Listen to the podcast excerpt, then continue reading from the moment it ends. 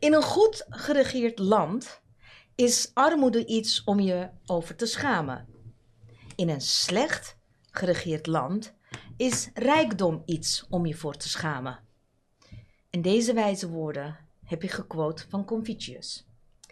Er is een verschil in mentaliteit, in cultuur en in levensvisie tussen bijvoorbeeld de Verenigde Staten en Nederland. De Amerikaanse droom luidt, aldaar, van krantenjongen tot miljardair. En soms zie je dat ook echt wel gebeuren, maar laten we wel wezen dat is een grote uitzondering. Het getuigt met name van de optimisme van Amerikanen. Deze mentaliteit en visie maakt de meeste Amerikanen echter ook heel erg hard tegen degenen die in hun ogen mislukt zijn. Je bent al snel een loser. Hey loser, je bent loser als, is inmiddels helemaal ingeburgerd in de Nederlandse taal. De Nederlandse droom over waar je wieg heeft gestaan, maar waar je uiteindelijk eindigt, is een stuk realistischer. Wie in Nederland voor een dubbeltje geboren wordt, heeft een aanmerkelijk grotere kans om als een kwartje te eindigen dan zijn lotgenoot in Amerika. Hoewel, de oorspronkelijke Nederlandse uitdrukking luidt: wie voor een dubbeltje geboren is, wordt nooit een kwartje. Met andere woorden, je kunt nooit boven de stand komen waarin je geboren bent. Arm geboren zal wel altijd arm blijven. Waarom Nederlanders altijd van het negatieve uitgaan? Ik weet het niet. Misschien heeft het iets met hun nuchtere aard te maken. De cultuur van nuchterheid. Doe maar gewoon, dan doe je al gek genoeg. Of wanneer je hoofd boven het maaiveld uitsteekt, wordt het meegemaaid met de graanhalmen. Wil je dat niet, dan moet je dus diep ineengedoken zitten. Goed, dit terzijde. De isolatie en achterstand van een hele grote groep mensen is door corona alleen maar groter geworden. De al aanwezige achterstand, kansongelijkheid, is alleen maar toegenomen en verergerd de laatste decennia, in mijn ogen sowieso, maar volgens mij wordt dat ook gestaafd door onderzoeken. Waar vroeger engagement stoer was en een teken dat je aan de goede kant stond, what that ever may be, is het antwoord op engagement stevast mm eigen verantwoordelijkheid. Alles is zelfredzaamheid en onafhankelijkheid wat de klok slaat. Credo is eigen schuld, dikke bult. En wanneer die overheidsbemoeienis en hulp verwacht waar engagement op zijn plaats zou zijn, willen ze, spreken ze zelf namens ons al, ja, maar dat is toch betutteling? We willen toch niet betutteling, of dat willen jullie niet? De Raad voor Volksgezondheid en Samenleving spreekt in de afgelopen week verschenen uh, advies over een noodsituatie. Debatten over het vergroten van kansgelijkheid, kansengelijkheid, zegt de Raad, ontaarden al snel in een uh, links- en rechtsdiscussie. Terwijl de toestand, zegt de Raad, zo nijpend is dat ze alle ideologie al lang voorbij is.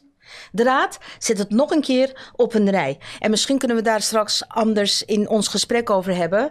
Uh, dat uh, de laagopgeleiden met weinig inkomen ruim twee keer vaker last van chronische stress hebben. Angst, depressies. Dan hoogopgeleiden uh, met een nette baan en een comfortabel koophuis. Diabetes type 2 treft 3% van de rijken en 14% van de armen. Obesitas, enorme verschillen, et cetera, et cetera.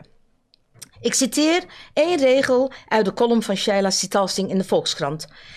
En, en inderdaad, zoals Shaila Sitalsing in haar column zegt, de gezondheidskloof dicht je niet met gratis appels alleen. Zeg ik, vandaag voor ons heel belangrijk, dicht je ook niet met de gratis laptops die wij hier bij elkaar proberen te vergaren met z'n allen en bij elkaar te harken. Nee, die kloof doe je echt niet met alleen maar uh, spullen of mentoring, losse onderdelen aan elkaar. Die kloof dicht je met kansen in het onderwijs, zegt de Raad. Daarvoor moet men aan zoveel, zoveel touwtjes tegelijk trekken en zoveel geduld hebben dat de Raad spreekt van een leap of faith. Geloven en gaan.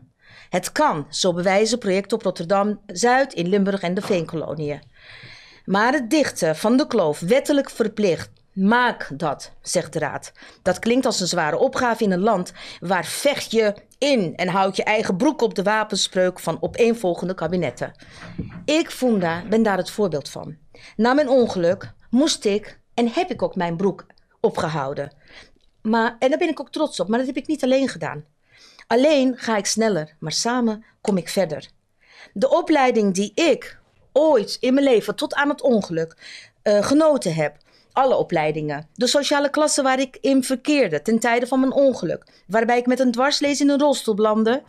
En het hebben van een heel belangrijk instrument, namelijk een ontwikkeld taalgebruik dat ik in, in kon zetten wanneer ik dat nodig heb, had tijdens mijn revalidatie. Of tot nu toe, als ik mijn rechten moest bevechten, moest strijden voor een extra rolstoel of wat dan ook. En last but not least, het hebben van minimale financiële middelen om mij te redden na mijn onvertuinlijk ongeluk. En natuurlijk mijn sociale contacten, mijn lieve mensen op mijn omgeving.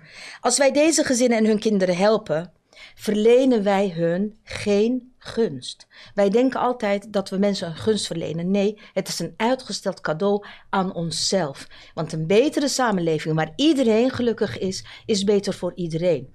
En dan kunnen de kinderen van de welgestelden ook heel fijn en veilig leven. In een goed geregeerd land is armoede iets om je over te schamen. In een slecht geregeerd land is rijkdom iets om je voor te schamen afsluiten weer met Confucius. Ja, een applaus waard. Dankjewel. Dank.